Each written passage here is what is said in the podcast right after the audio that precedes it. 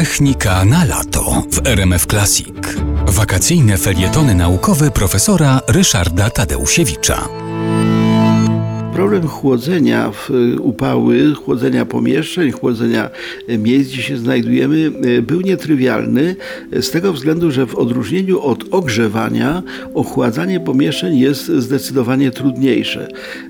Już starożytni znali sposób na to, że mogli ogrzać sobie pomieszczenie, na przykład w domach rzymskich były tak zwane kubikula, czyli miejsca, gdzie, gdzie spano. Centrum domu rzymskiego to było atrium, w którym znajdowała się taka sadzawka, impluvium, e, spływał tam deszcz.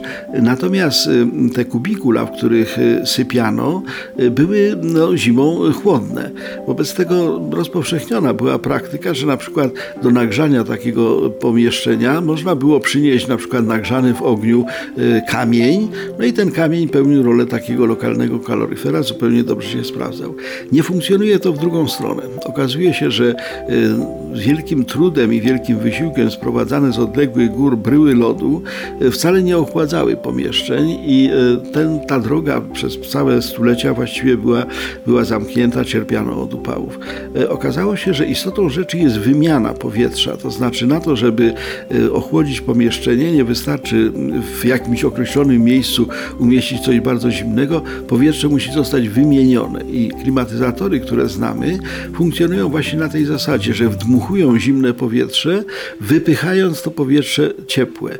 Y, ponieważ ta wymiana odbywa się y, w sposób no, kontrolowany w pełni, wobec tego y, klimatyzacja rzeczywiście jest w tej chwili sposobem na to, żeby walczyć z upałami. No, takim najbardziej klimatyzowanym chyba miejscem na świecie jest Las Vegas. Na pustyni w Nevadzie zbudowano miasto, które dzięki zaporze Hoovera i ogromnym zasobom energii elektrycznej, taniej energii elektrycznej jest właściwie w całym, we wszystkich pomieszczeniach zamkniętych, klimatyzowane.